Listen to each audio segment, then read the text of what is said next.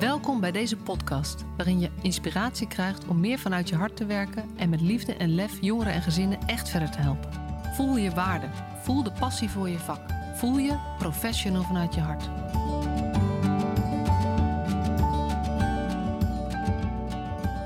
Hey, wat tof dat je weer luistert. Vandaag een nieuwe aflevering van de Professional vanuit je hart podcast.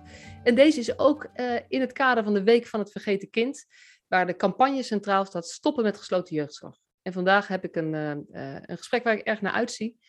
Uh, omdat ik voor, in gesprek ga met Jason Boegwandas en Sanne van der Laan. Allebei ervaringsdeskundig in gesloten jeugdzorg en nog wel wat meer.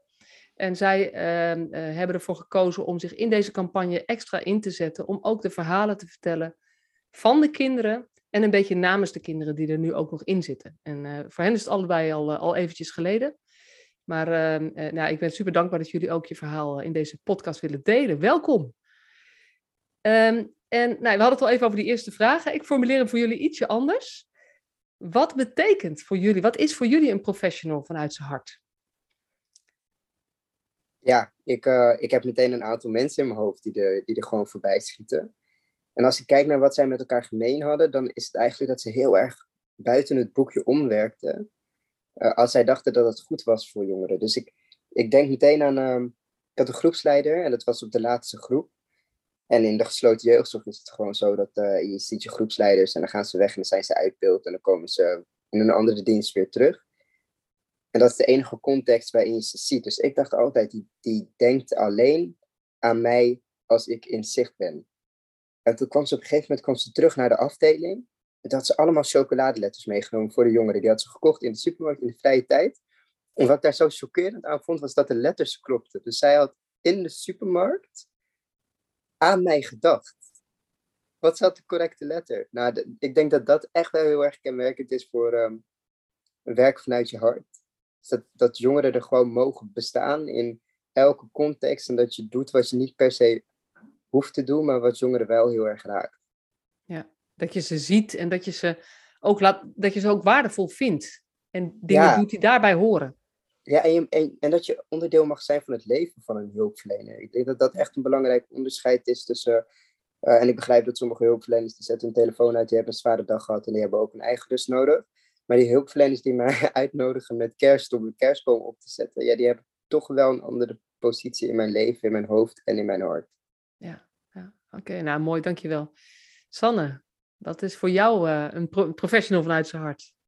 Ja, ik ben het daar helemaal mee eens. Ik denk wat het, wat het al zegt, gewoon vanuit je hart. Dus dat je niet alleen maar werkt vanuit de regels die er bestaan, maar dat je uh, nou, doet wat, wat goed is voor een kind op dat moment. Elk kind is anders, zeker binnen de gesloten jeugdzorg. En sowieso, ik denk dat je gewoon op maat, ja, ik weet niet, gewoon wat goed voelt. Gewoon, uh, weet je, eh, er zijn kinderen die een knuffel fijn vinden op het moment dat ze heel verdrietig zijn. Er zijn kinderen die dat niet fijn vinden. Gewoon doen wat goed voelt. Ik denk dat je dat als ouder ook doet. Als je meerdere kinderen hebt, die zullen met bepaalde dingen hetzelfde zijn, maar echt niet allemaal. Dus dat doe je dan ook vanuit je hart, wat goed voelt op dat moment. Ja, en, en vooral niet dat dat dus is, dat je, niet doet wat, uh, dat je het niet doet omdat het in het behandelplan staat, maar omdat jij voelt, hé, hey, maar dit is nu goed. Dit voelt ja. bij en dit klopt.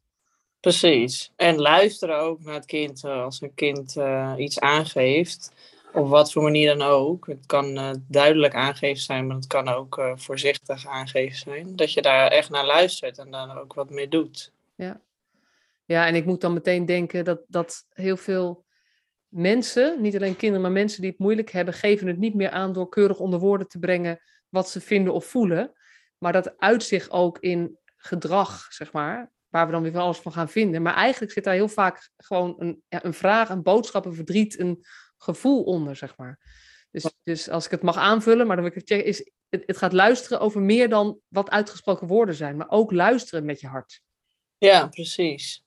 Nee, dat is ook wat ik bedoelde met, sommige kinderen die kunnen wel aangeven wat ze willen en sommige kinderen vinden dat natuurlijk heel moeilijk, maar die geven het dan wel op een manier aan uh, door het bijvoorbeeld te laten merken met gedrag of um, ja, dubbelzinnige uh, zinnen uitspreken, dat soort dingen, dat je daarop let en, en daar wat mee doet ook. Ja.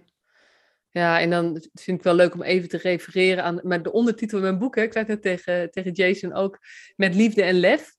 Dat, eh, dat kleine stukje heb ik uh, van Jason gekregen toen hij uh, de review schreef.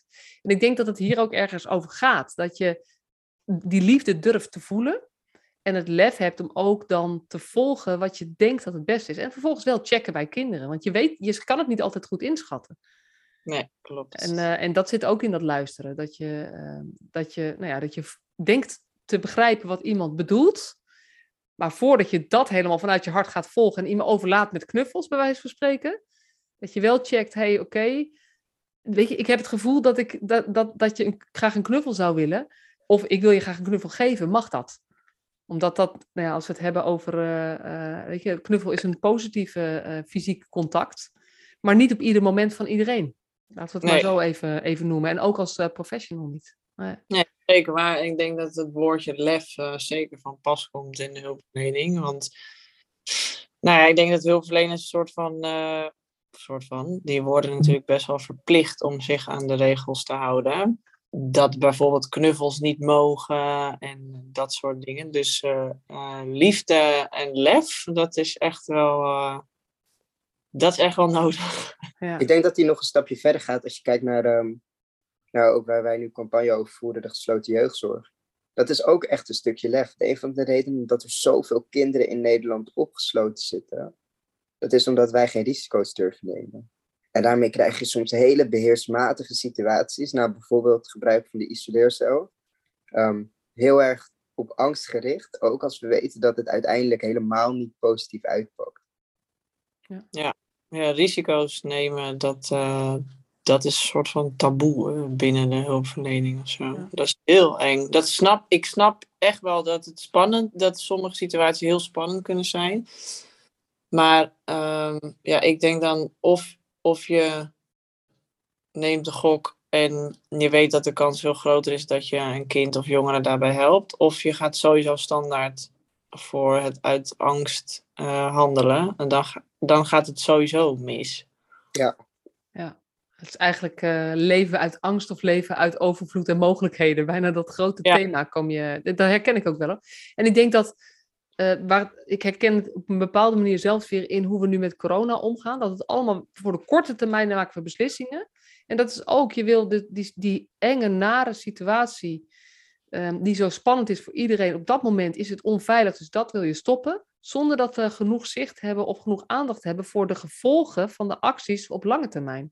Zoals zo'n isoleercel. Want het lijkt veiligheid te bieden, maar het resultaat is uiteindelijk dat, nou ja, dat er emotioneel of, of psychisch of op allerlei manieren lange termijn gevolgen zijn. Dus dat we kiezen voor de korte termijn. En het vraagt lef om, om die langere termijn er altijd bij te halen, volgens mij. Ja, helemaal mee eens. Alles moet ook uh, in één keer goed gaan, lijkt het wel, binnen de hulpverlening. De jongeren en zowel ook de hulpverleners. Dat, moet, dat is heel gek, want als je kijkt naar een kind die gewoon uh, veilig en uh, stabiel opgroeit, er is geen enkel kind die zonder vallen of stoten opgroeit. Er gaat altijd wel iets fout tussen aanhalingstekens. Dus hoezo moet het dan binnen, binnen de hulpverlening, waarom moet dan alles in één keer goed gaan? Waarom mag er niet iets, iets fout gaan bij de jongeren, maar ook bij de hulpverleners? Ja, ja dat, dat is ook mooi. Wat je, en, en ook ehm, als het dan een keer goed is gegaan, moet het ook goed blijven gaan. Dat vind ik ook zo oneerlijk. Ja, dat, dat, zeg maar, want dan heb je een doel, nou dan, ben je, dan doe je dan goed je best. Even los van wat we van doelen, weet je, laten we dat eventjes, die discussie achterwege laten. Maar dan heb je een doel en dan doe je je best en dan lukt het een keer, dan is eigenlijk de verwachting dat je het kan. Dus de volgende keer dat je, dat, dat je het op je oude manier doet, wordt het opge, opgevat als, ja, weet je, nou laat je het weer zitten of zo. Alsof het dan niet moeilijk meer is. Terwijl, dit is zeg maar, het, moet in één keer goed gaan, maar ook als het een goed is gegaan, moet het altijd goed blijven gaan. Ja, dat is. Ja, en doelen veranderen ook, hè. Dat is ook, eh, eh, zeg maar, in jouw eigen weg naar... Uh of in jouw eigen proces dan kan je, je kan het ene moment denken, oh, dit is een doel voor mij, of hier wil ik graag gaan werken, of hoe je dat ook wil noemen. En een paar weken later, omdat je in jouw proces zit, kan je ook denken, oh, eigenlijk ben ik erachter gekomen dat dit eigenlijk belangrijker is, of mij meer helpt. Dus ik wil, dus het is beter als dit dan mijn doel wordt. Maar dat kan dan eigenlijk ook niet, want dan wordt er tegen je gezegd, nee, we gaan eerst dit doel doen. En denk ik, het gaat er toch om, dat is dan ook weer professional vanuit je hart wat goed voelt voor een jongere op, op zo'n moment. En misschien wil je ook op een moment helemaal geen doelen. Hè? Het is toch logisch dat jij jaren en jaren allemaal dingen achter de rug hebt, dat je op een punt misschien even moet uitpuffen. Ja. Ja, ja en het gaat uiteindelijk over wie heeft de regie. Weet je, het gaat, jongeren moeten dus in een ontwikkelproces. Weet je, dat is wat we eigenlijk met z'n allen willen als ze in een gesloten jeugdzorg, ook in een andere jeugdzorg komen, dan willen we dat. Uh, maar we willen ook nog eens dat dat dat wel een soort van uitgestippeld um, uh, weggetje is, wat er dan ook in die volgorde gelopen wordt. En we willen dan dat jongeren zelf verantwoordelijkheid voor nemen. En volgens mij is dat gewoon een, dat is, dat is tegenstrijdig, dat kan gewoon niet. Of je zegt, iemand heeft eigen verantwoordelijkheid, dus ook eigen regie over welke stappen op welk moment in welk tempo. En dan kan je als hulpverlener hele slimme dingen doen om dat een beetje te bevorderen uh, of er elke keer voor gaan liggen. Um, maar het is een soort van tegenstrijdig. Ik weet niet hoe jullie dat, hoe jullie dat ervaren hebben, van regie hebben over waar je mee bezig bent, waar je je op richt. Nou ja, in de gesloten jeugdzorg wordt natuurlijk alles voor je bepaald. En dat is een beetje hoe ik de hulpverlening heb leren kennen. Um, maar het is heel krom dat op het moment dat jij in zo'n instelling zit, jouw verantwoordelijkheid over jouw leven volledig wordt ontnomen. Zeker als je, ik was 17 hè, dan ben je bijna meerderjarig. Um, en je zit in een omgeving waarin het eigenlijk alleen maar mis kan gaan. Want ik kon niet naar school, was geen behandeling, er waren wel veel andere jongeren, was weinig om handen, je hebt niks te doen. Elk kind zou daar compleet flippen. Um, en dat is dan wel jouw schuld. Voor dat gedrag word je wel verlengd als je bij de rechter komt. Ook als dat gedrag één op één voortkomt uit de context waarin jij op dat moment in zit. Maar die verantwoordelijkheid die krijg je natuurlijk in één klap terug als je 18 wordt. En dan, en dan moet je en als het niet lukt, is het jouw schuld. Iedereen vindt namelijk, we overschatten heel erg wat er bij het individu vandaan komt. En we vergeten gewoon de omgeving compleet uh, mee te nemen daarin. In het kader van eigen regie die op je 18 in één keer terugkomt, ja. zie je wel dat dat echt, um, echt wel bij jongeren neergelegd wordt. Ja. ja, want eh, om heel even toch in te gaan op zeg maar, jullie achtergrond, Jason. Jij bent op je zeventiende voor het eerst in de hulpverlening gekomen. Maar um, op mijn zestiende, ik was bijna 17, maar op mijn zeventiende voor het eerst in de gesloten jeugdzorg. Ja. En op hoeveel plekken heb jij binnen de gesloten jeugdzorg gezeten? Uh, vier binnen de gesloten jeugdzorg. Ja. En dat is dus, weet je, dat is tot je achttiende, dus dat is binnen een jaar op vier plekken uh, geweest. ja. ja. En wat, als je er iets over wil zeggen, wat, wat is de reden dat je werd doorgeplaatst? Nou, het werkte niet. En dan gaan we een andere instelling uitproberen. En die instellingen die hebben heel veel gemeen, dus een beetje raar. Um, en elke instelling is dan heftiger, weet je wel. Het is bijna alsof je voor straf naar Gelderland gestuurd kan worden als je uit Amsterdam komt. Ja. En dat gebeurt bij mij ook. Dus ik had dan de eerste instelling opzetten, nou dat werkt niet. Dan ga je naar de tweede instelling die hetzelfde werkt. Nou, logischerwijs werkt het ook niet. Dan ga je naar de derde instelling die beweert super gespecialiseerd te zijn. Maar dat zie je eigenlijk in praktijk niet terug. Dus dat werkt ook niet. En dan is er paniek, want je bent bijna 18, dus dan ga je naar de vierde instelling in de hoop dat zij het nog recht kunnen trekken. Ja. En dan ben je 18. En dan heb je hoofd jeugdzorg Nederland gezien. Maar het is eigenlijk heel veel van hetzelfde geweest. Ja, ja en uh, de documentaire is natuurlijk over jouw leven gemaakt. Eigenlijk over jouw trauma's. Uh, en uh, de trauma's van de gesloten jeugdzorg zijn, zijn box 3 volgens mij noemde je het.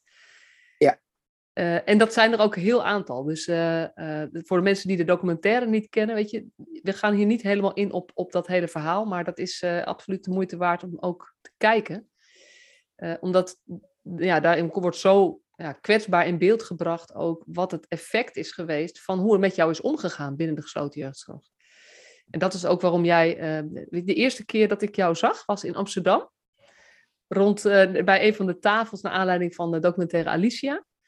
En uh, ik weet nog dat jij daar op stond en dat jij uh, uh, Dat was niet het eerste moment dat ik sprak, was toen jij net binnen... Ik weet niet of jij dat nog weet. Jij liep ergens binnen en ik liep ook ergens binnen. En we stonden samen naar briefjes te kijken. Ja, aan de muur. Dat was helemaal... En, en ik had ook zoiets van, goh, weet je, de, de, hoe, het was een beetje lastig, was een beetje ongemakkelijk. Want ik dacht wel van, hey, volgens mij um, zit hier een verhaal. Maar ik ben ook niet iemand die dan denkt van... Goh, maar wat is nou jouw... Ik, weet je, ik ben niet zo op zoek naar, naar dat verhaal meteen. Ik was vond het wel, wel tof. En ik weet of op die avond was of op een andere avond... dat jij opstond in die zaal en die zei wat doen we toch met uh, al die kinderen om ze uit huis te halen? We moeten het omdraaien, geef al die hulpverleners een bedje. En uh, dat, dat, zeg maar, daar is ook jouw missie begonnen, uh, nou, waar deze campagne eigenlijk een voortvloeisel van is, waarbij het vergeten kind het opgepakt heeft, van gesloten jeugdzorg moet stoppen. En um, kan je daar iets over zeggen, waarom je dat zo belangrijk vindt? Nou ja, ik kwam in de gesloten jeugdzorg terecht en ik was eigenlijk best wel naïef. Hè. Bij veel kinderen die in de gesloten jeugdzorg terechtkomen, dat ze al um, veel ervaring hebben met jeugdzorg. Maar ik zelf, ik, ik, had, uh, ik had een hele onveilige thuissituatie. Maar ik was eigenlijk het grootste deel van de dag ook gewoon een 5 VWO-leerling die uh, op een avond VWO-school zat en uh, vrij normale vrienden had. En ik kende de jeugdzorg dus eigenlijk helemaal niet. Dus het eerste contact dat ik had met jeugdzorg, dat was meteen gesloten. Daar gingen geen voortrajecten aan vooraf. Dat was mijn poort. En ik kwam met kinderen die dat, die te zitten, die de jeugdzorg wel echt al uh, kenden en die dat wel gewend waren. Maar ik schrok daar nog heel erg van. Ik schrok er echt van dat ik een uh, gevangenispand zag met hoge hekken en, en muren en tralies. Um, en ik kon dat nog beoordelen vanuit het perspectief van wat ik bij mijn klasgenoten zag, zeg maar. Een vrij normale situatie. En als je dat naast elkaar legt, dan is het heel schrijnend wat wij met kinderen doen. Ja. En ik heb dat toen gezien. Nou, dan ga je de eerste instelling in. Dan weet je niet of dat representatief is, toch? Maar goed, dan ga je naar de tweede en de derde en de vierde. En dan denk je, wow, dit is de voorziening. Niet een instelling die niet goed functioneert, maar, maar de voorziening zelf die wij hebben gecreëerd. En het geldt niet alleen voor mij, het geldt voor kinderen die hier geplaatst worden. Voor het gros van die kinderen, die gaat die echt slechter uit. Nou, en dan ga je gesprekken voeren. Um, nou, in de instelling zie je wel wat er gebeurt. En je hebt ook gesprekken met elkaar. Maar als je dan gesprekken aangaat na de gesloten jeugdzorg, dan kom je erachter van. Um, ik had echt nachtmerries. Hè. Toen ik net uit de gesloten jeugdzorg kwam, ik werd wakker, badend in het zweet, soms schreeuwend, soms huilend. Want ik dacht, ze brengen me terug. En ik dacht dat dat aan mij lag, misschien een zwakte was, maar misschien ben ik snel getraumatiseerd of zo. En dan ga je in gesprek en dan kom je erachter dat dat voor andere kinderen ook zo is. En dan, nou, nu hebben we dat onderzoek van het vergeten kind, die is heel duidelijk in dat dat dus echt voor het overgrote merendeel van de kinderen geldt die die instellingen ingaan. En dan wordt het belangrijk. Want dan kan je niet meer hebben over een uitzondering, dan hebben over een structureel probleem dat ook aangepast moet worden. Ja, ja. ja precies. Dat is, Weet je, je kan niet alles tegelijk aanpakken. En dit is wel hetgene wat voor jou persoonlijk ook de meeste trauma's heeft opgeleverd. Dus ja. je wil gewoon voorkomen dat dat nog bij, bij nou ja, kinderen die nu um, uh, jeugd, met wie het helemaal niet goed gaat, dat zij opnieuw getraumatiseerd worden. Ja, en omdat de uitkomst van zo'n gesloten plaatsing, je kan van tevoren al inschatten dat dat geen goede uitkomst is. Dat is dat ligt veel minder genuanceerd dan een plaatsing in een andere voorziening. Want dan, dan wordt het al veel meer een kop of munt situatie. Maar als je weet dat het niet gaat werken en je weet dat het schadelijk is en je weet dat deze. Um, want het gaat niet alleen om de uitkomst, ook nog als je er gewoon kijkt vanuit het perspectief van de rechten van het kind, wat wij in Nederland structureel aan het doen zijn. Deze hoeveelheid kinderen opsluiten en weten dat het niet werkt. Maar ook gewoon het gegeven dat zij zonder strafblad zo lang achter tralies zitten dat, dat, moet, dat moet stoppen. Het is heel raar dat dat nog zo'n discussiepunt kan zijn. Ja. ja, en het is natuurlijk ook een discussiepunt uit machteloosheid, omdat we met z'n allen nog niet weten hoe dan wel. En waar jullie al bij het begin begonnen, het gaat ook over veiligheid en, en de verantwoordelijkheid die mensen dan voelen. En dan ga je kinderen beschermen.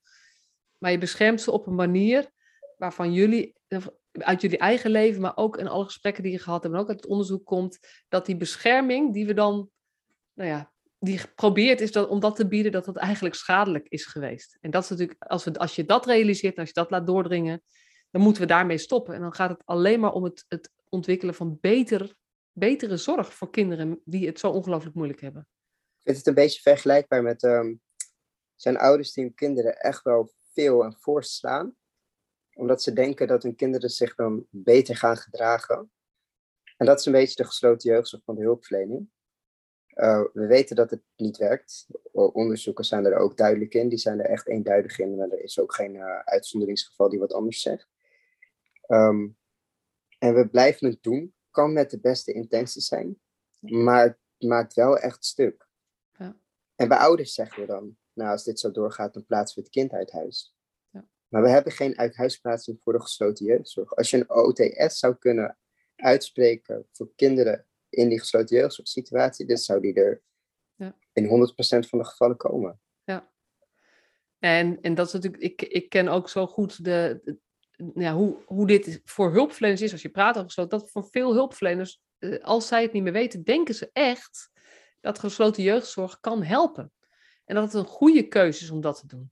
Dus het is zo belangrijk jullie ook, je ook vertellen, uh, weet je, nou ja, dat het helemaal geen goede keuze is in, me, in, in de meeste. Ik, ik durf nooit zo in alle gevallen. Dus dat mogen jullie zeg maar in ieder geval in, in verreweg de meeste gevallen. Dat ik echt denk, dit, dit kan niet, het helpt niet. Het is een, een noodoplossing die schade toebrengt.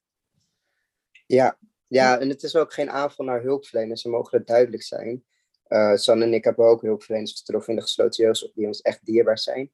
Maar we komen wel op een punt waarin wij als maatschappij, maar ook zeker de hulpverlening, moeten reflecteren op de situatie en eerlijk moeten zijn over wat wij doen en wat wij jarenlang hebben gedaan. ik krijg echt berichten van mensen die zijn dik in de veertig, die hebben in een soortgelijke situatie gezeten en die hebben daar nog steeds last van. En dan is het zaak om te zeggen, fuck, we hadden dit niet zo bedoeld. Mag ik vloeken in jouw podcast? Van mij mag alles. Oké, mooi.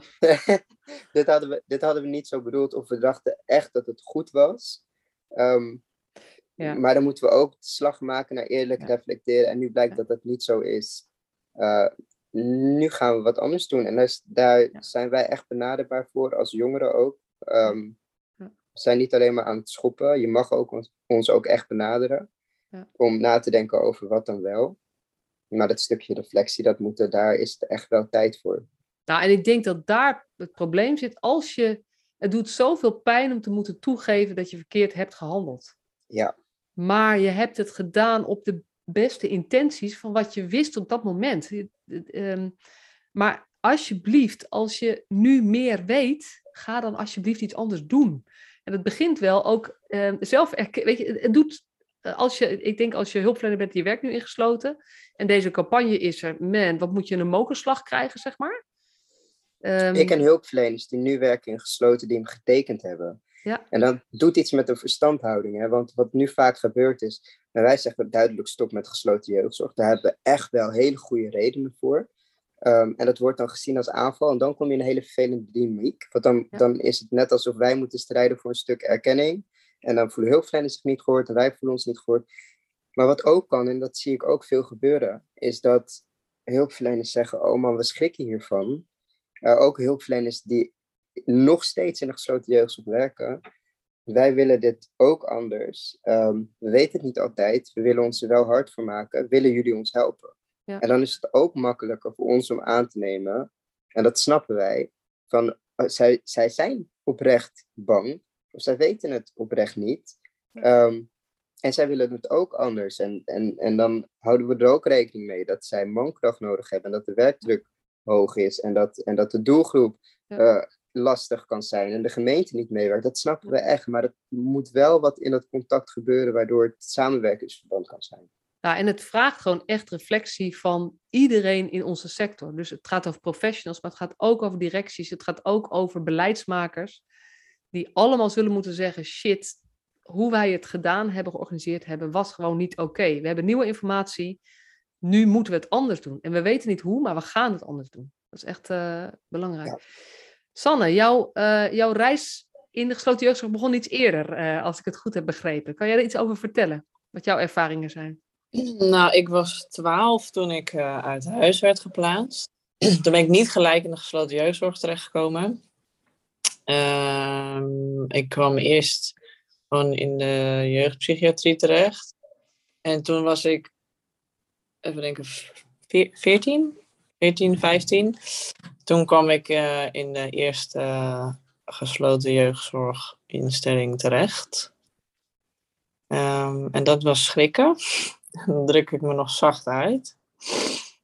Ja, dat was heel. De weg ernaartoe ook. vooral. Was, Kan je, eh, kan je er iets over vertellen? Want was je ook op een gesloten, besloten afdeling binnen de kinder- en jeugdpsychiatrie geplaatst? ja, Dus je ging Ja. eigenlijk van gesloten kinder... Het heet iets anders, hè? maar laten we het even zo voor het gemak noemen. Gesloten kinder- en jeugdpsychiatrie. Ging je naar een gesloten jeugdzorg eh, Ja. eh, iets toe, zeg maar. Wat, wat eigenlijk ook voor mij heel lang op één hoop heeft gelegen. Maar het zijn echt twee verschillende werelden. Kan je er iets over vertellen? Over, over nou, die reis er naartoe en, en waar je zo van schrok? Nou, ik hoorde het een dag van tevoren. Ehm, toen zeiden ze, ja, je gaat morgen weg. En, eh, want de reden was dat zij mij niet meer konden helpen. Het was, ik was te heftig, ze wisten niet meer wat ze moesten doen. En ehm, dat was best wel schrikken. Het was ook heel ver weg. En eh, ik ging toen vervolgens op internet eh, zoeken waar het dan precies was. En eh, wat ik eigenlijk als eerste zag waren een paar artikeltjes met niet hele positieve dingen. Over, eh, dat ging over seksueel misbruik tussen groepsleiders en jongeren. Dus dat was best wel schrikken. En ehm, nou, de volgende ochtend zou ik nou, rond een uur of ja, elf of zo, denk ik, half twaalf, zoiets, zou ik eigenlijk opgehaald worden. Toen stonden ze ineens om zeven uur eh, op mijn kamerdeur te kloppen. Je moet eh, je, nu je spullen pakken en aankleden, want ze zijn er over een half uur. En toen stond daar ineens een busje van DVNO, van justitie, waar ehm, nou ja, gewoon ook criminelen in worden vervoerd. En toen kreeg ik eh, handboeien om.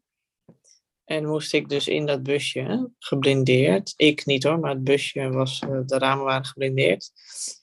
En ehm, dan moet je even een beeld schetsen. Ik was toen 14, 15 en ik had zondevoeding. Want eh, mijn anorexia was toen wel het meest heftige punt, denk ik. Dus dan doe je zo'n meisje, zo'n jong meisje, doe je handboeien om. Waarom, weet ik niet. Het was dan een protocol of zo. Het waren dan weer regels. En dan ben je iets van twee uur onderweg, niet wetende waar je naartoe gaat, in totale paniek, superveel angst. Er is niemand bij je, want je bent ook afgeschermd van de bes- bestuurders, zeg maar. Er zit gewoon een ja, stalen muur eh, in dat busje. En dan kom je aan en dan zie je hele hoge hekken, muren, prikkeldraad, tralies, nou, dat is echt, echt heel heftig. En we reden met dat busje in een, in een sluis. Ehm, dat als je dan uitstapt, dat je dan zeg maar met je gezicht tegen de muur al aan zit, zodat je niet kan wegrennen. En ik was gewoon, nou, echt in shock. Ik dacht echt, waar ben ik beland? Wat heb ik gedaan, dacht ik ook. Die gedachte ging echt om mijn hoofd. Wat heb ik gedaan? En eh, mijn binnenkomst was, nou, dat was echt, was gewoon niet fijn. Eh, er werd gelijk gevraagd, eh, rook jij? Toen zei ik, ja, ja, dat mag hier niet. Oké, ook hallo. Of zo. En eh, ik moest gelijk naar de ISO. En eh, dan gaan ze je spullen controleren en ze gaan jou controleren. En toen zeiden ze, we zijn zo terug. Maar dat, eh, dat duurde wel even. Vervolgens mag je dan uit ISO naar je kamer. Maar die is hartstikke leeg. Je krijgt geen spullen mee, dus zoveel verschil was het ook weer niet. En dan ben je 14, 15 en Ja. ook, weet je, je moet heel verzwakt zijn geweest als je zondevoeding krijgt, zeg maar. Dus, eh, en, en je bent gewoon alleen. Ja, dat, dat was heel zwaar, dat alleen zijn. Ook geen groepsgenootjes hebben bij wie je heel even kon peilen of zo. Eh, weet je, hoe gaat het hier? Of gewoon iets van contact, gewoon niks. Je gaat ook heel erg twijfelen aan jezelf op het moment dat je de hele tijd alleen bent. Hè? Want dan, eh, je hebt eigenlijk alleen maar contact van de groepsleiders. Ja. Ehm, nou, ik moet zeggen, de, de afdeling waarin ik deze cultuur heb meegemaakt, was dat contact was niet positief. Er werd je echt verteld, en dit is het laatste van het laatste, eh, dat jij hier zit is je eigen schuld. Niemand gaat jou nog helpen. En je bent niet leerbaar. En je verandert toch niet. Ehm, nou, dat, dat gaat eindeloos door. En normaal gesproken kan je nog een beetje terugvallen op elkaar op zo'n groep. Weet je wel? Maar hier heb je, hier heb je alleen maar Ja. wat jou verteld wordt door de groepsleiders en wat jij jezelf vertelt. Je, hebt geen, je kan niet spiegelen. Dus Ja, uiteindelijk is ook regulatie zeg maar, van jezelf, doe je met spiegelen aan an- andere mensen. Ja, er zijn een aantal mensen die dat wat minder goed kunnen, maar de meeste mensen doen dat met spiegelen aan andere mensen. En als je die niet ziet ehm, en de mensen met wie je te maken hebt zitten heel erg in hun rol van, nou ja, met een beheerscultuur, zeg maar, zo'n benadering, dan heb je geen spiegel. En dan ben je dus gewoon echt helemaal alleen. Want, want ik, weet je, ik weet het wel en toch raakt het me elke keer ook weer als je dan vertelt dat een meisje van 14, je krijgt het te horen, je moet weg hier. Nou, dat is al een soort van, weet je, wat gaan ze met me doen? Weet je, je hebt geen invloed erop. Dan ongeveer zo laat dan word je je bed uitgehaald en je moet in een of ander gevangenisbusje met bewakers. Want dat zijn geen, eh, geen pedagogisch medewerkers die dat rijden, dat zijn bewakers. Wat, waar die mensen ook niks aan kunnen doen. Maar dat is wel zo. En dan heb je daar een, een meisje of een jongen van nou ja, 12, 14, 16 eh, jaar. Ehm, en dan word je naar een plek gebracht waar je niet weet wat het is. En waar jij niemand kent. En het hele proces is er niemand bij jou of naast jou. Ja. En dat is wat, wat dan gebeurt met de kinderen die het het allermoeilijkst hebben. Want dat was de situatie. Weet je, ze wisten niet meer wat ze met je moesten, omdat je anorexia op een dieptepunt was. Maar die hulpverleners hadden het misschien moeilijker, moeilijk, maar jij had het nog veel moeilijker. Mee En dat, en dat raakt mij gewoon wel. Ja, nee, dat, ik, ik, ik heb zo vaak in mijn hoofd de vraag: waarom, waarom doen we dit? Echt serieus, waarom doen we dit? Je, je, je, je loopt al schade op door je thuissituatie, je hebt al weinig vertrouwen. Alles wat ook maar een beetje goed is, dat, dat wordt gewoon kapot gemaakt eigenlijk.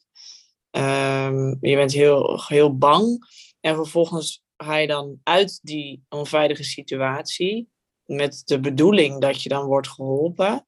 En dan de mensen die er eigenlijk dan voor jou zouden moeten zijn en jou zouden moeten helpen ehm, en jou zouden moeten geven wat je thuis niet kreeg, die bevestigen keihard jouw wantrouwen en jouw angst. Dat maakt een kind echt kapot.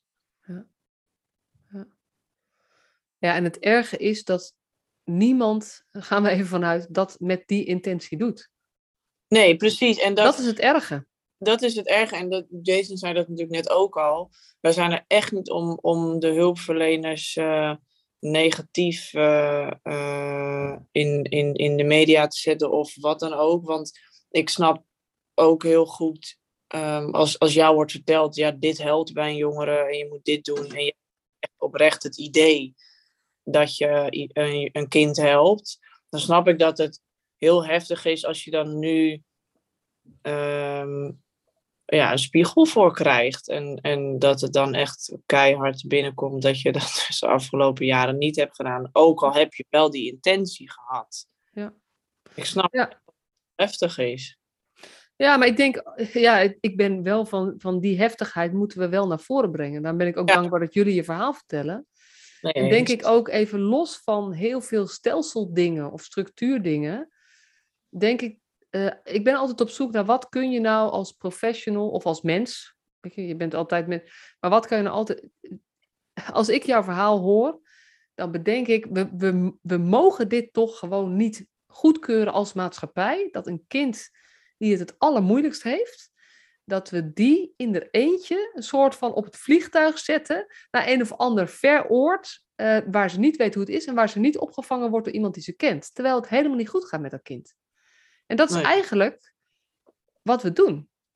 Ja. Of wat we Ja. deden. Maar ja, wat we deden. Dus kijk, dat is natuurlijk de vraag. Want, want dit is, jij bent ook geen, eh, geen 14 meer. eh, Ik weet niet hoe oud je nu bent. Het is al, eh, het is al even geleden. 21, bijna 22. Ik weet je, ehm, dat zal natuurlijk ook voor een deel van de mensen de vraag zijn. Maar, maar dit gebeurt toch nu niet meer? Dat was toch toen? Het gebeurt nog steeds. We zien ook terug in het onderzoek dat jongeren die in 2020, 2021 hebben gezeten, dezelfde ervaringen beschrijven. Dus het gebeurt nog steeds. En ik, ik snap ook de reflex niet zo goed om elke keer een poging te doen om de realiteit te ontkrachten of zo. Ik merk dat dat heel erg een reflex is van ehm, eh, ik denk dat dat, dat dat gedaan wordt omdat de realiteit moeilijk is en pijnlijk en eh, lastig om bij te komen. Maar als we, als we gewoon echt eerlijk hier naar kijken, zou je eigen kind in die instelling plaatsen? Ja. Onder geen omstandigheden, toch? Die vraag stel ik heel vaak. eh, en dat is ook al over gewone open residentiële jeugdzorg. Als ik daar vraag aan professionals, zou je willen dat je eigen kind in de jeugdzorg opgroeit? Zeggen ze allemaal heel hard nee. En ehm, eh, weet je, sommige eh, pleeggezinnen of, pleeggezinnen of gezinshuizen, dat, dat kan nog een andere situatie. Maar als je het hebt over de residentiële zorg, is dat eigenlijk alle professionals zeggen dat. En we vinden nog steeds ja, een goed alternatief voor kinderen die niet bij hun ouders kunnen opgroeien. En dat verbaast mij ook hoor. Maar ik denk dat het. Ik weet niet eens of mensen zeggen: ik vind het goed. Maar ik denk dat vooral mensen denken: maar wat moeten we dan? Dus dat, dat er geen gedachten zijn over een alternatief. En ik ben het helemaal met je eens. Van dit, deze realiteit moet gewoon ja, zo eerlijk mogelijk ook bovenkomen. Want, want nou, ik wil eventjes terug naar Sanne de verhaal. Want nou ja, dit was de eerste verhuizing, overdracht, doorschuif die je meegemaakt hebt, zeg maar. Ja. Maar het was niet de laatste. Nee. hey, eh, ja, ik ben daarna nog naar een andere ehm, gesloten jeugdzorginstelling verhuisd. Ehm, dat ging wel, sorry, dat ging wel ehm, iets positiever. Het ging in ieder geval niet zo. Maar daar bij binnenkomst, ja, weet je, kreeg je ook onderzoek lichaam en kleding. Ehm, en dat wilde ik niet. En dan moet je, even voor de mensen die dat nog steeds niet weten, ehm, dan moet je al je kleding uitdoen. En eh, drie keer bukken. Dat was toen zo, hè. Ik weet niet of dat nog steeds zo is. Maar toen moest je ook echt drie keer bukken. Ehm, alsof je dus in de gevangenis bent. En als je ehm, trauma, als je, als je seksueel bent misbruikt en je wordt dus en je, je wordt verplicht om je kleding uit te doen terwijl iemand naar je kijkt, dat is heel heftig. Zeker als ze dan eigenlijk tegen je zeggen dat als je het niet doet, dat je dan op een lege kamer wordt opgesloten totdat je je bedenkt. Het afnemen van, van überhaupt enige. Nou ja, ik, ik wil het woord keuzevrijheid gebruiken, maar recht van eigen. beslissen over je eigen lichaam. Ja, ik denk dat zij dit, keuzevrijheid, maar je hebt geen recht om te beslissen over je eigen lichaam. Dat is natuurlijk het grootste trauma bij seksueel misbruik. Ja, het grootste weet ik niet. Wel een van de grootste. Is dat dat, die, dat, dat dat weg is. En dat wordt eigenlijk herhaald door zo'n, nou, wat we keurig noemen, lichamelijk onderzoek, zeg maar. Eh, maar het gaat zoveel verder dan dat. En, en we weten ook dat, ja, ik weet niet de percentages, weten misschien jullie, maar eh, het grootste gedeelte van de kinderen die in de gesloten jeugdzorg komen, die, hebben, die zijn seksueel misbruikt. Die hebben te maken gehad met 85% misbruik. van de meiden. Ja, Hoeveel procent? 85 van de meisjes. Precies.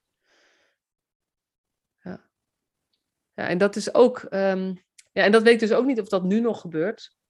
Maar nou ja, ik denk het eerlijk gezegd wel. Ja. Ja, ik wel lastig ook als ik, want nou, we hebben al eh, eh, meerdere keren benoemd eh, dat we niet negatief zijn naar de hulpverlening, maar met dat soort situaties, dat vind ik dus moeilijk, want als jij in zo'n kamer staat met een, met een meisje die daar duidelijk van in paniek raakt en heel angstig wordt en heel verdrietig, dat je dan alsnog door blijft hameren op het feit dat ze het gewoon moet doen. En dat ze anders, anders in een lege kamer mag zitten. Ehm, dat zijn van die situaties dat ik denk: oké, je kan in een systeem zitten, je kan regels hebben en dat al jaren doen. Maar daar moet je toch dan ergens denken: dit, dit klopt niet. Er is iets met het meisje, laten we dit anders aanpakken. Dat soort situaties, dat, dat, dat vind ik wel moeilijker om daar dus over te zeggen, ja, maar er waren regels en hulpverleners dit en hulpverleners dat. Denk ik, ja, dat, dat zijn wel van die dingen dat je als, als mens zijnde echt wel kan bedenken, dit is niet helemaal oké. Of er is iets, weet je. Het is heel Ja. lastig om de balans te vinden, want je wil eh, hulpverleners niet in het harnas jagen. En er zijn ook hulpverleners die, ehm, die wel tegen die regels ingaan en in, die in deze situatie daar wel van afhaken. Maar ehm, we weten ook dat binnen de gesloten jeugdzorg veel hulpverleners dat ook niet doen. En daar zit ook een stuk eigen verantwoordelijkheid bij. En het is heel lastig om. Ehm, kijk, als ik dit gesprek voer, dan schieten er bij mij meteen beelden in mijn, in mijn hoofd. Met gezichten van hulpverleners en. Oh, ik word geen. Sorry. Um, met gezichten van hulpverleners en situaties waarin hulpverleners echt wel anders hadden kunnen handelen. En de campagne is daar niet op gericht, daar gaat de campagne niet om. De campagne gaat echt over de voorziening en de situatie waar wij kinderen structureel in plaatsen. Maar die andere kant die is er ook gewoon. En het is heel lastig om dat stuk trauma weg te stoppen en om die realiteit weg te stoppen, om eigenlijk de hulpverleners voor wie dat niet geldt te sparen. Dat is echt een ingewikkelde balans. Ja, mee eens. En ik denk ook, er zijn gelukkig uh, ook heel veel hulpverleners die, die het met ons eens zijn. Maar er zijn ook wel nog steeds hulpverleners die vinden dat wij uh, hen aanvallen. Maar ik denk dan ook, ja, weet je, wij, um, wij zeggen ook, um, als wat is, als je wat wil bespreken, stuur ons een berichtje. En dat menen we ook echt oprecht. En we willen heel graag samenwerken. En wij dat is best wel lastig. Ik denk dat ik voor ons allemaal spreek, dat dat dat je dan echt wel iets aan de kant moet zetten. Wil je dat echt oprecht uh, kunnen doen? Echt gewoon een stukje trauma. En dan denk ik, ja, wij doen dat. Um, geef, dan, doe, doe, geef dan ook iets terug of zo. Laten we dus gaan samenwerken. Waarom moeten we zo tegenover elkaar gaan staan? Wij, wij, wij zetten iets uh, van ons een beetje uh, aan de kant om de samenwerking aan te gaan ja, doen jullie dat dan ook, alsjeblieft? Maar dat is ja, moeilijk voor sommige hulpverleners. Ik weet niet waarom. Nee, de reacties kunnen echt wel, echt wel heel hard zijn. En het gekke is met name vanuit hulpverlening. En het doet me echt goed dat er steeds meer steun is. Ik zie ook hulpverleners die bij mij traject betrokken zijn die ehm, de petitie hebben getekend. Ik heb zelfs van een aantal hulpverleners zelfs een sorry gehad. Dus dat, dat is echt wel heel anders met een aantal jaar geleden. En dat, dat raakt me ook echt wel enorm. En tegelijkertijd zie ik reacties. Uh, net nog een reactie op LinkedIn. was naar aanleiding van het onderzoek. En het onderzoek dat stelde 86% van de respondenten. Dus van die kinderen die gesloten hebben gezeten, ging weg met, met meer schade. Nou, hè, dan kopt de NOS die kopt in. Kinderen gaan beschadigd de gesloten jeugdzorg uit. En dan volgt een reactie vanuit een jeugdbeschermer notabene, ja, maar uh, ze gaan toch ook beschadigd naar binnen. Neem even de tijd om te lezen, om het, om het onderzoek te lezen. Ben je überhaupt bereid om na te denken en om, om te horen wat hier aan de hand is? Of komt er meteen een reactie die moet rechtvaardigen dat wat gebeurt, gebeurt? Ja.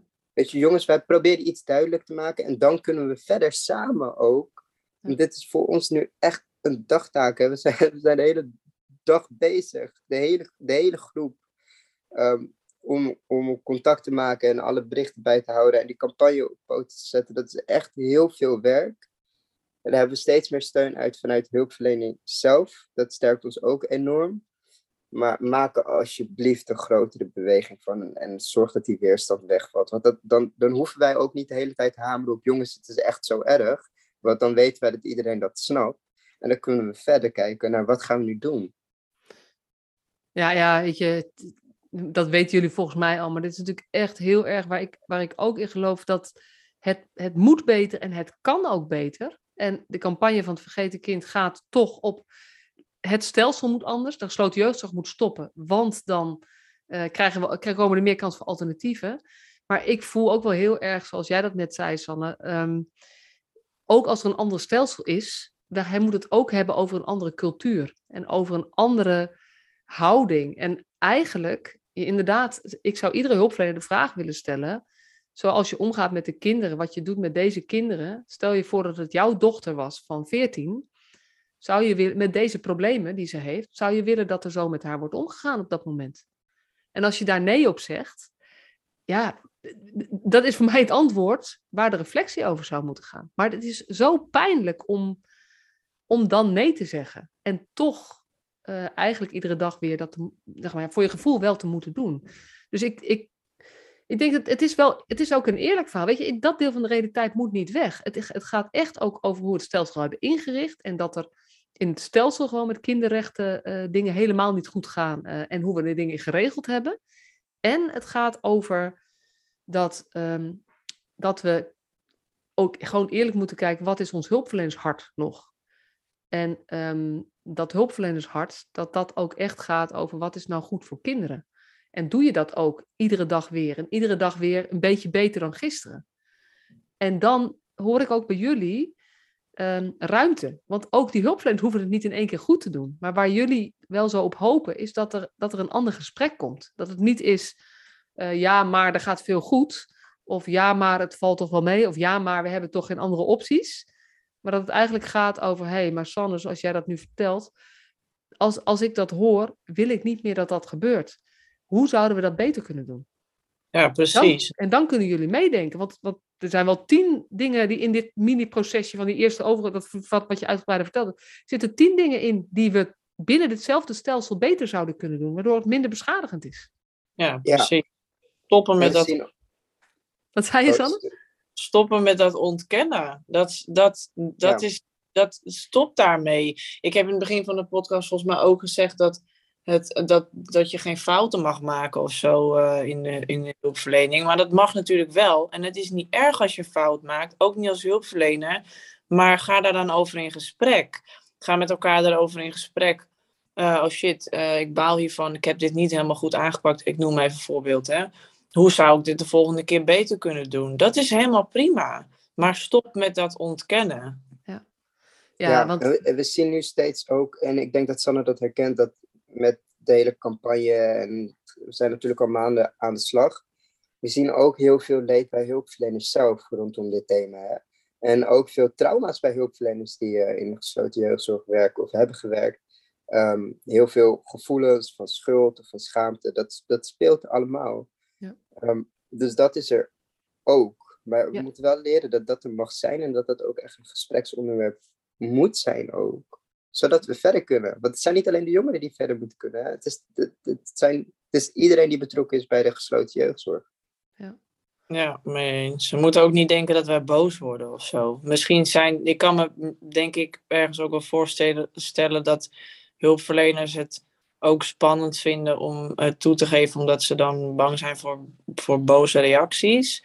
Maar um, nou, dat gaat echt niet gebeuren, want het roept bij ons juist, het is juist fijn of zo. Ja, het is niet fijn dat het is gebeurd, maar het is fijn als, als het wordt erkend. En dan kan je ja. in gesprek gaan. We gaan echt niet, niet boos worden. Ik zou, dat heeft ook helemaal geen nut.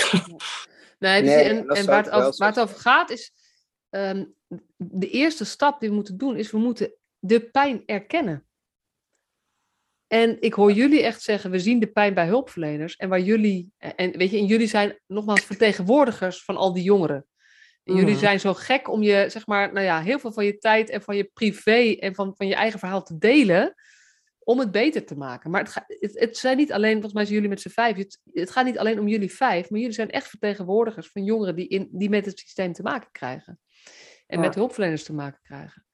En het gaat ook echt over um, de pijn die je ziet, pas als we die erkennen, kunnen we het gesprek gaan voeren. En als het gaat over, ja, maar, maar dit was toch al eerder, bij wijze van spreken, zoals je net zei in de reactie van de jeugdbeschermer, dan wordt het heel ingewikkeld, want dan gaat het over, is het waar of niet waar? Ja. En dan kan je nooit verder komen met elkaar. Een beetje over, heb je gelijk of, wil je gelijk of wil je geluk, zeg maar. Mm-hmm. En uh, ja, dat is natuurlijk wel heel, uh, ik heb een soort van die one-liners die niks zeggen en toch ook altijd wel weer waar zijn. Toch? Ja, even niet hoe niks one-liners geworden. Maar ik ga toch even terug naar, naar Sanne de verhaal, zeg maar. Want toen, ben je, toen ging je naar die, die andere plek. Um, ja. want, je bent, want, want je, op je twaalfde ben je dus voor het eerst. Dat is, ik, ik hoorde dat volgens mij bij het Vergeten Kind, bij de, bij de documentaire van Jason, de, de première ja. toen. Hoorde ik dat voor het eerst. Dat jij zei dat je echt van je twaalfde tot je achttiende, uh, misschien nog wel langer, echt gesloten hebt gezeten. En deels binnen de kinderjeugdpsychiatrie en deels binnen gesloten jeugdzorg. Ja. De, hoe, ja, die vraag is, hoe is dat? Ik ben er best goed uitgekomen, vind je niet? Ja, ik vind ik, ook. Ik vind, het bewonderenswaardig. Uh... Nee, maar, maar, maar eh, weet je, hoe, hoe, hoe kan dat? Dat wij, en ik trek natuurlijk altijd wel alles op mezelf, hoe kan het dat wij geen beter alternatief hebben dan een kind eigenlijk van zijn twaalfde tot zijn achttiende ja, opsluiten klinkt wel, ja, mag ik dat zeggen? Ja, zo voelt het natuurlijk wel. Hoe kan je iemand dan zijn leven leren leven? Dat kan volgens mij niet. Ja, ja, dat is een hele, ja ik was wel, uh, ik was denk ik wel iets voor mijn achttiende, scheelt niet heel veel, maar ging ik weg uitgesloten. Um, en naar een open groep. En dan ineens mag je heel veel of zo. Nou, je mag nog steeds niet, het is nog steeds niet hetzelfde als dat je gewoon thuis woont. Maar er is niks, niks aan je geleerd. Dus dat gaat natuurlijk binnen de kortste keren weer fout. En daar hadden we het net ook al over. Dat mag dan niet. En hoezo doe je het dan weer fout? En dat is eigenlijk dat cirkeltje wat elke keer maar weer uh, ja. gaat draaien. Hey, en en um, was het dan, laat ik het maar eventjes gewoon een beetje luchtig verwoorden, was het dan zo erg met jou dat, dat het wel moest dat je gesloten geplaatst bent zo lang? Of denk jij zelf, je bent nu, nu uh, eh, 21, als ik goed onthouden heb, 22, ik weet niet wat je zei. um, je, ja, je kijkt nu, weet je, zeker met dit proces heb je heel erg teruggekeken ook van, hé, wat is er eigenlijk gebeurd en hoe is dat eigenlijk gegaan? Denk je dan, het was ook zo erg, dit moest ook inderdaad? Of denk je nou, nee, er waren alternatieven? Nee, want um, even denken. Het is eigenlijk totdat ik. Nee, ik moet heel even goed nadenken. Toen ik 19 was, toen ging het eigenlijk nog steeds niet per se heel goed of zo met mij. Maar dan ben je ineens volwassen en dan ga je dus ook naar de volwassen afdeling en uh, heel leuk allemaal. En toen um, um, ontstond er een hele fijne band uh, in, in mijn leven. Toen uh, had ik ineens een uh, pleegmoeder en um, ik ben bij hun, bij haar vriend en ze, ze, heeft zelf ook een dochtertje. in huis, zij hebben mijn huis genomen. Ik heb wel een eigen huis hoor, maar ik was daar gewoon veel. En toen ging het echt nog steeds niet, niet goed met mij.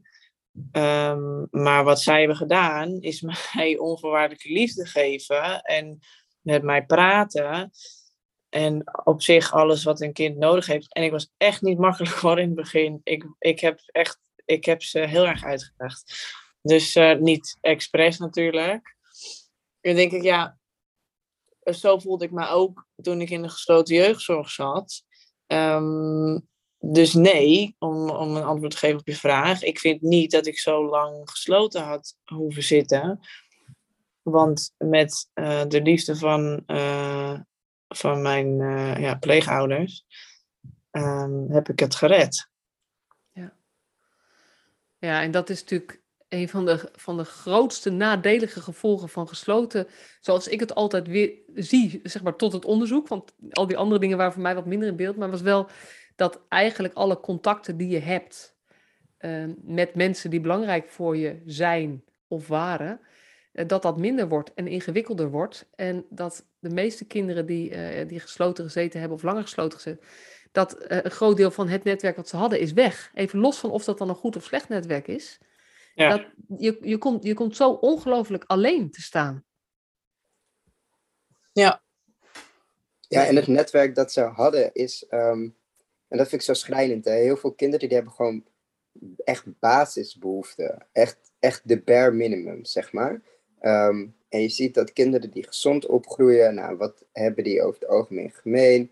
Uh, tenminste één ouder die er echt voor ze kan zijn, op een goede, passende manier. Die gaan vaak naar dezelfde school en die hebben vriendjes. En weet je hoe je een normaal leven zou invullen? En dat hebben veel kinderen die, in de gesloten jeugdzorg zijn beland, die hebben dat hun hele leven gemist. Nou, dan is het logisch dat je niet functioneert zoals de rest van het land functioneert. En in plaats van dat we eerst die gaten op gaan vullen, plaatsen we ze gesloten. En wat ik schrijnend vind is, nou, Sanne die is in huis genomen uh, door nou, nu haar pleegmoeder, maar dat was dus haar behandelaar. Echt prachtig. En je ziet dat dat gewoon echt effect heeft. En ik ken meerdere verhalen. Zo, ik ken een vriendin van mij, die is letterlijk um, uh, uh, s'avonds van een weiland geplukt, omdat ze hyperventilerend ergens langs de weg zat. En die is uh, opgenomen in een gezin, een beetje zoals bij Sanne.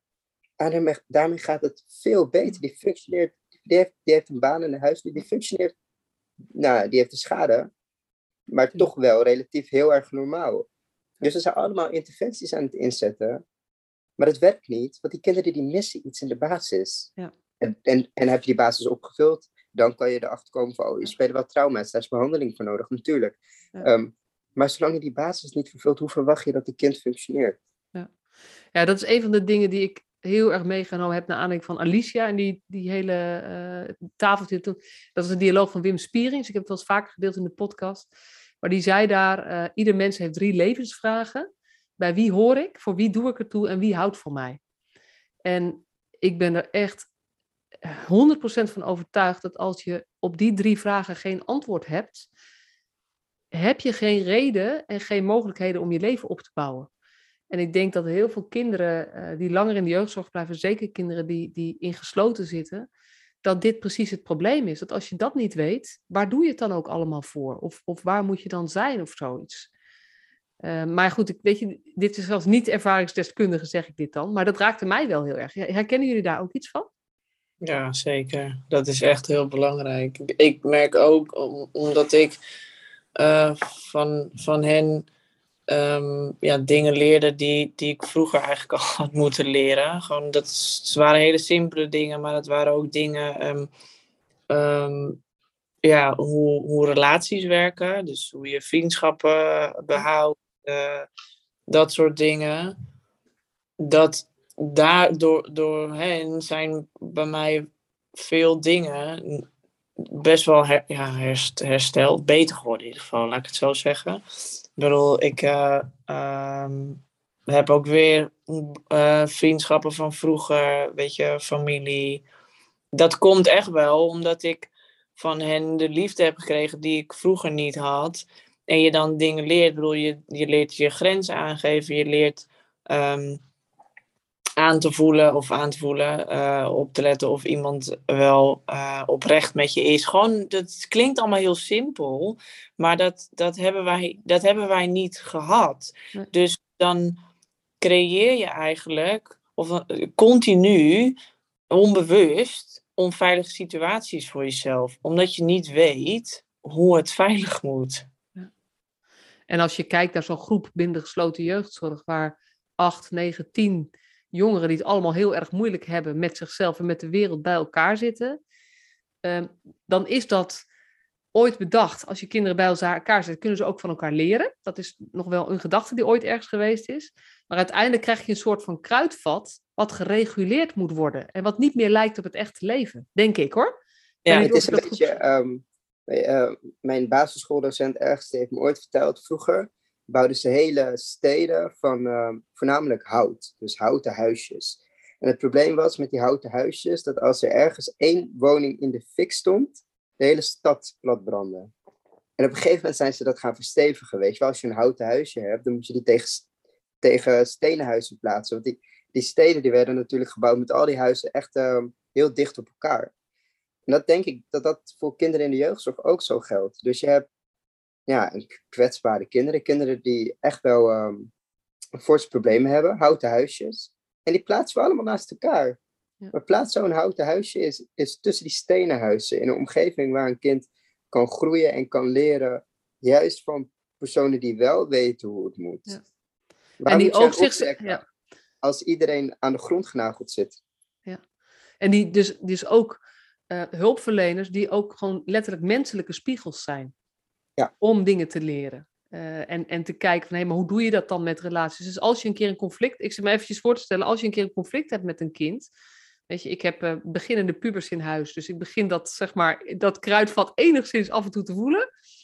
Kleuterwoede is toch iets anders, zullen we maar zeggen.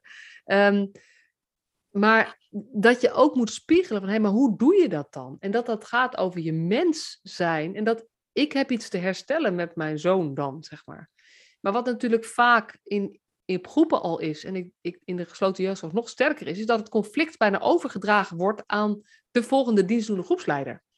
Alsof het conflict met de eh, met, ja, hoe noem dat? Met, met de rol is in plaats van met de persoon. Maar voor, je, voor jullie als jongeren, je hebt gewoon een conflict met die persoon, denk ik. Dus als dat over, dat klopt gewoon niet dan. En, en zo kunnen we kinderen ook niet leren hoe je dit dan wel moet. Los van of we dat allemaal zelf goed kunnen. Dat is weer een heel ander gesprek. Maar zo kunnen we het ook kinderen niet, eh, niet leren. We maken heel kunstmatige wereld ervan. Ja. ja, als je wil dat kinderen leren functioneren in de samenleving, dan moet je een omgeving hebben die functioneert als de samenleving. Niet een omgeving die compleet anders functioneert. Want jij, jij hospitaliseert en je pas je aan aan de omgeving. Nou, dan kan je eindelijk functioneren in een gesloten jeugdzorginstelling en dan sta je weer buiten. En dan lukt het niet. En wat ik echt leer van de verhalen van jongeren die stappen vooruit hebben kunnen maken, en dat geldt helaas niet voor iedereen. Hè. Sommige jongeren, harde realiteit, die overlijden omdat ze niet de juiste zorg hebben gekregen en toch een forse rugzak, of omdat het, um, ja, worden niet beter, dat is ook gewoon de realiteit. Nee, en, um, en overlijden, weet je, sommigen overlijden, maar er zijn ook heel veel die beslissen om niet meer verder te leven. Ja, nou, dat, dat bedoelde ik eigenlijk, maar ik zie het meer als een ja. noodoplossing of zo, omdat ik. Um, niet dat ik, ik kan me daar wel bij neerleggen, dat het soms gewoon niet goed komt. Dat is zo. Sommige kinderen hebben echt te veel meegemaakt. En dat, uh, ja, het is lullig om te zeggen, maar nee, het is niet lullig. Sommige kinderen gun ik die rust ook echt wel. Maar ook regelmatig heb ik situaties gehad waarvan ik dacht, ja, we hebben jou ook wel echt wel bijzonder weinig toekomstperspectief gegeven. Ja. Ja. En als ik kijk naar wat, wat heeft geholpen voor jongeren, en dat is pas vaak wat ze hebben gevonden na hun achttiende, omdat je dan in één keer, hè, je, je wordt in de buitenwereld gezet. Dat is heel zwaar, biedt ook mogelijkheden. Um, het is vaak dat gezin dat ze hebben gevonden, of toch een volwassene die, uh, die echt om zich geeft. Nou, voor mij is het echt doorslaggevend geweest dat ik weer kon gaan studeren. Ja. Ik echt, je kan mij op geen enkele manier stabiel houden als je me niet weer die normale plek in de samenleving geeft waarin ik mezelf cognitief bezig kan houden. Ja. En daar onttrekken we kinderen ook aan. Ja. ja, ik heb toevallig gisteren is de podcast met Frederik Koeman heb ik opgenomen. En die ook daarin zo mooi vertelt dat zij gekozen hebben om onderwijsperspectief centraal te stellen. En natuurlijk met hiccups, want ik, ik heb ook gevraagd van joh, en wat doe je het nu als je een 17-jarige 5 VWO'er binnenkrijgt? Kunnen jullie dan nu wel goed onderwijs bieden? En toen bleef ze toch nog een klein beetje stil, want het is ingewikkeld. Maar die beweging, en dat is ook, het mag ook leren, maar er zijn, er zijn wel, um, als wij kinderen toekomst willen bieden, moeten we ze ook helpen om die toekomst op te bouwen in de jeugdzorg en niet daarna. Daar zijn we toch voor? Dat is wat ik in ieder Ja. geval zo sterk heb. Je moet jezelf ehm, op lange termijn onbelangrijk maken, want jij valt Ja. weg. De Precies. is een permanent, permanente Precies. situatie. En waar gaat het dan over? Dan gaat het toch over perspectief middels onderwijs of uiteindelijk bestaanszekerheid, werk, hoe laat het maar noemen. En het gaat over mensen in je leven hebben voor wie jij belangrijk bent en die belangrijk zijn voor jou. En, en dat zouden volgens mij de, de pijlers moeten zijn waar je ook de keuzes op maakt. En dan worden allerlei andere dingen worden een soort van randzaken, die, die zo vaak helaas centraal staan eh, in de gesloten jeugdzorg. Ja, en, en mocht het niet op alle vlakken lukken, geef zo'n kind dan in ieder geval het gevoel dat je het wel hebt geprobeerd. Ja. Dat jongeren later kan zeggen, oké, is niet gelukt, maar ik heb wel oprecht gevoeld dat ze hun best voor mij hebben gedaan en dat ze het geprobeerd. Dat is ook echt een heel veel, want wij, Want wat maakt het verschil als je dat voelt? Je eigen waarde. ja, Je want, doet het toe. want ze hebben, ze hebben voor ons niet, niet, eh, dat niet gedaan. En waarom niet? Wat je dan gaat denken is, zie je wel, ik ben het niet waard. Je bent natuurlijk al vrij onzeker over jezelf. Ja. Eh, ik ben het niet waard, eh, ik ben dom, weet ik veel. Al die gedachten. Ja. En als jij later dan ouder bent en je kan voelen en denken, oké, het is niet helemaal gelukt. Maar ze hebben het wel echt geprobeerd en ze hebben zich volledig ingezet voor mij. Dan denk je dus, dan was ik het dus waard. En dat zijn die professionals met lef die buiten de boekjes proberen voor elkaar te krijgen wat goed is Ja. voor dat kind. Uit je hart. Misschien is dit een goed antwoord op je vraag. Ja? Dan, ja, Wat is nou een professional eh, die er vanuit zijn hart werkt? Dit is het antwoord. dit is het antwoord. Ja, ja en, en ik kan het ook zo goed begrijpen, want ehm, iedereen snapt dat niet alles geregeld kan worden wat je zou willen. Ook jongeren in de gesloten jeugdzorg snappen dat dat niet altijd kan. Maar heel vaak worden dingen al afgewezen of nee gezegd of stopgezet voordat het überhaupt geprobeerd is, omdat het niet mag of niet gebruikelijk is. En dat is waar je gevoel van, hé, hey, maar wie ben ik en wie mag ik eigenlijk zijn, gewoon helemaal verdwijnt.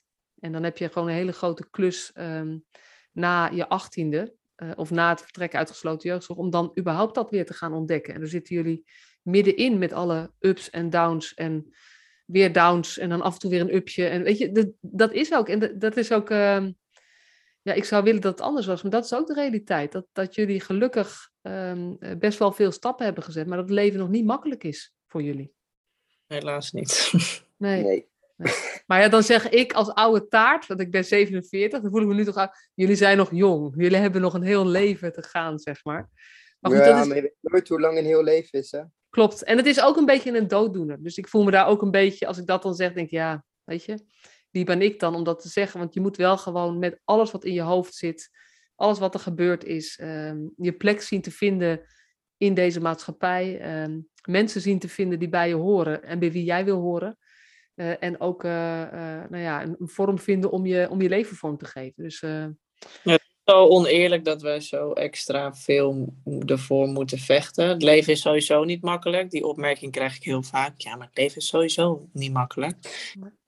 Weet ik. Heb ook nooit gezegd dat het leven makkelijk is. Maar het is ons wel heel veel moeilijker gemaakt. En dat had niet gehoeven. Nee. Nee. Nou, weet je, we zijn door de tijd heen. Ik zou volgens mij nog, uh, we zouden een paar uur verder kunnen praten. Is er iets waarvan jullie zelf denken, hey, dit is helemaal niet in orde gekomen en dat wil ik toch nog even noemen? Of denk je eigenlijk, weet je, we hadden, we hadden tien andere uh, weggetjes kunnen kiezen, maar dit zijn ook de goede wegen. Nou, mocht je de petitie nog niet hebben getekend, getekend doe dat even. Heel belangrijk, ja. dat, dat kan is, op uh, uh, hetvergetenkind.nl. En, uh, en nogmaals, weet je, uh, dank je wel luisteraar dat je hier naar geluisterd hebt. Want het luisteren naar de verhalen van kinderen. En uh, Jason en Sanne doen dat ook omdat er zoveel kinderen zijn die hun verhaal nog niet kunnen vertellen. Maar luisteren naar de verhalen van kinderen is het begin van ze het gevoel geven dat ze ertoe doen. Dus als je hier helemaal tot het eind geluisterd hebt, dank je wel. Um, en uh, als het je raakt, laat het vooral ook weten aan, aan Sanne en Jason. Ze zijn op allerlei manieren te bereiken. Um, LinkedIn weet ik, maar vast ook Instagram, Facebook, allerlei andere dingen. Of via het Vergeten Kind. Als je ze wil vinden, dan lukt het je. En ik wil je ontzettend bedanken voor het delen van je verhaal. En ehm, nou ja, tot, tot spreeks.